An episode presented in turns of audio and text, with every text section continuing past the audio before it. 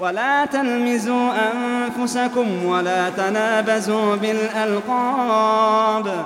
بئس الاسم الفسوق بعد الإيمان. ولا تلمزوا أنفسكم يعني لا تعيبوا فتعابوا لأن من وقع في شيء يعني من عير أحدا بشيء لا بد أن يقع فيه. ولا تعيبوا لا تلمزوا أنفسكم لا تعيبوا فتعابوا. يعني تكونوا سببا لعيب أنفسكم.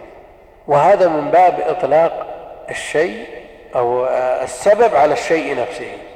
الإنسان الذي يعيب غيره ثم يعاب هو المتسبب لعيب نفسه.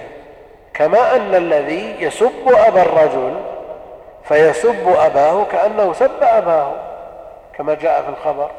ومن قتل غيره مما يكون سببا في قتله هو كأنه قتل نفسه. ولا تلمزوا أنفسكم وكأنه جعل المسلم هو المسلم نفسه. يعني ما يقع على أخيك كأنه واقع عليك. وهذه مبالغة في تأثير هذه الأخوة ولا يؤمن أحدكم حتى يحب لأخيه ما يحب لنفسه.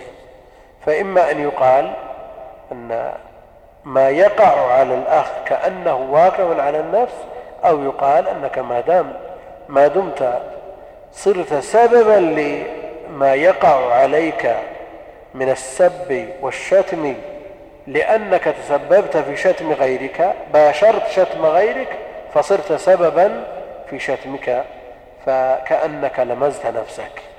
وكما جاء في الخبر عن بعض الصحابة وابو ذر قال من سب الناس سبوا أباه وأمه.